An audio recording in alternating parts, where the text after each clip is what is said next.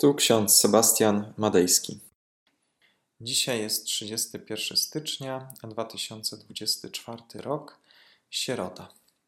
W książeczce z Biblią na co dzień znajdujemy następujące fragmenty Pisma Świętego. Zaiste w Panu Bogu naszym jest zbawienie Izraela. Księga Jeremiasza, trzeci rozdział, 23 werset oraz Ewangelia według świętego Łukasza, pierwszy rozdział, 46 i 47 werset. Rzekła Maria: Wielbi dusza moja Pana i rozradował się duch mój w Bogu, Zbawicielu moim. I takie słowa Anne Frank: Znajdź radość w zwykłych rzeczach, a będziesz szczęśliwy. Drodzy, szczególnie w pobożności katolików mieszkających w Polsce bliska jest Maria jako osoba, do której skierowany jest kult. Maria w teologii rzymskokatolickiej jest matką Boga, Bogu rodzicą, królową niebios. Wszechobecna jest w kulturze polskiej, która tak odbiega od obrazu, jaki jest przedstawiony na jej temat w Biblii. No bo widzimy w zasadzie w Ewangelii Łukasza, e, że anioł Gabriel zwraca się do niej, bądź pozdrowiona, łaską obdarzona. Zatem widzimy, że Maria sama z siebie nie posiada łaski. Ona zostaje nią obdarzona. Potrzebuje, tak jak my, zbawiciela. Potrzebuje łaski Pana Boga, bo sama jest grzeszna i pełna bojaźni przed Bogiem. Ewangelista Łukasz opisuje Marię używając słowa e, partenon, to znaczy dziewica, nastolatka, kobieta około 12 roku życia. W Atenach istnieje budowla Partenon. Była to świątynia dedykowana bogini Atenie, która była piękną i mądrą matką, patronką miasta Ateny. Grecy, pierwsi adresaci, adresaci Ewangelii Łukasza, prawdopodobnie zaczęli utożsamiać z upływem czasu Atenę i Marię, jednak przypisując atrybuty e, właśnie tej Marii. W ten sposób mamy obraz Marii, zawsze dziewicy. Jednak widzimy, że Łukasz używa słowa Partenon w tym kontekście. Jest tak naprawdę to związane z proroctwem Izajasza, który prorokował w siódmym rozdziale Księgi Izajasza: Oto Panna pocznie i porodzi syna, i nazwie go imieniem Immanuel, to znaczy Bóg z nami. Maryja jest zatem utożsamiona z panną, z młodą kobietą, która wyda na świat tego, którego przyjście oznacza, że Bóg jest z nami że się o nas troszczy, że chce nas zbawić i to czyni. Marcin Luther, komentując ten fragment z Ewangelii Łukasza, zauważył, że Bóg nie wybrał córek arcykapłanów, arcykapłanów Kajfasza i Annasza. Nie, Bóg wybrał zwykłą młodą dziewczynę, Marię z miasta Nazaret, mieściny wówczas uchodzącej za nieznaczną wioskę, z której nie może przyjść nic dobrego. Jaki z tego wynika wniosek? Bóg wybiera ludzi niepozornych, najmniejszych, najskromniejszych do wspaniałych zadań i czynów. Nie trzeba być dziewicą, czystą, nieskalaną, by Bóg uczynił rzeczy niemożliwe. Młodość Marii powodowała pewne problemy w związku z jej ciążą.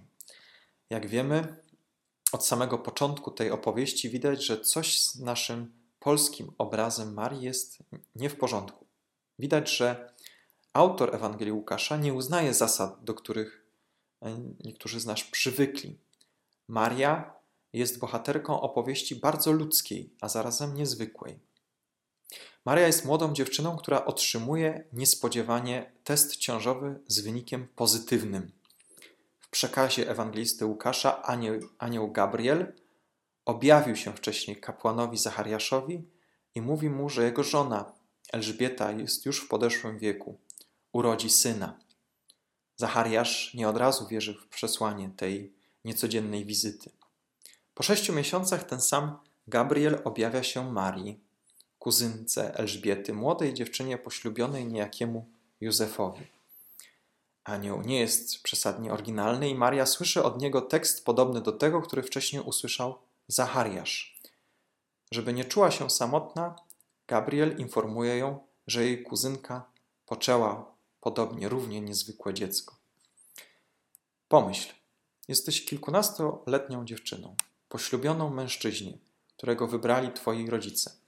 Jeszcze nigdy nie obcowałaś z mężczyzną ani z nikim innym.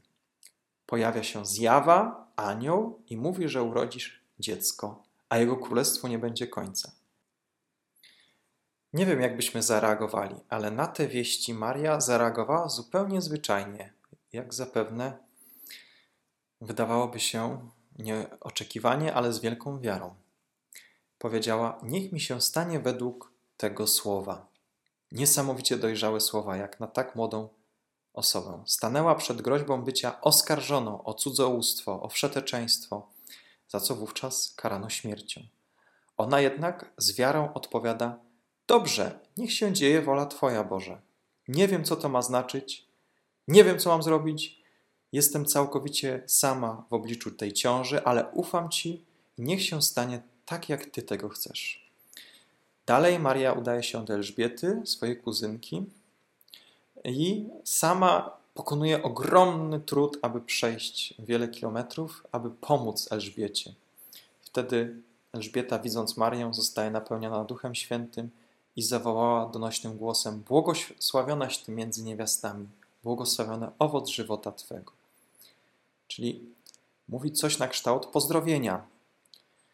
W zasadzie jest to ta pierwsza część modlitwy Zdrowaś Mario, jednak później e, dalsze słowa Święta Mario, Matko Boża, módl się za nami grzesznymi, teraz i w godzinę święci naszej. Nie występują te słowa w Piśmie Świętym. Maria zostaje nazwana błogosławioną między niewiastami i mówi to ze względu na to, Elżbieta to mówi ze względu na to, po wierzy czuje, że właśnie to ona, Maria, urodzi Mesjasza. To ona wyda na świat Zbawiciela. Dlatego jest błogosławiona i szczęśliwa w tym sensie. W taką Marię powinniśmy jak najbardziej uwierzyć, czyli Marię, która jest czuła, łagodna, zarazem nie unosi się, nie jest porywcza czy zbytnio entuzjastyczna. Jest osobą, która przyjmuje wiadomości, nawet z punktu widzenia takiego ludzkiego złe, w sposób całkowicie naturalny, z zaufaniem w Bogu. Dlatego wielbi dusza moja Pana i rozradował się duch mój w Zbawicielu moim. Być może Maria współcześnie byłaby dziewczyną wytykną palcami, a jednak nie upada na duchu i wie, że jej Zbawiciel nadchodzi. Pieśń Marii to zapowiedź przyjścia na świat Zbawiciela, który zbawi wszystkich tych, którzy pokładają w nim nadzieję i da uwolnienie z rąk wyzysku, grzechu, wszelkiej niesprawiedliwości. Amen. Módlmy się.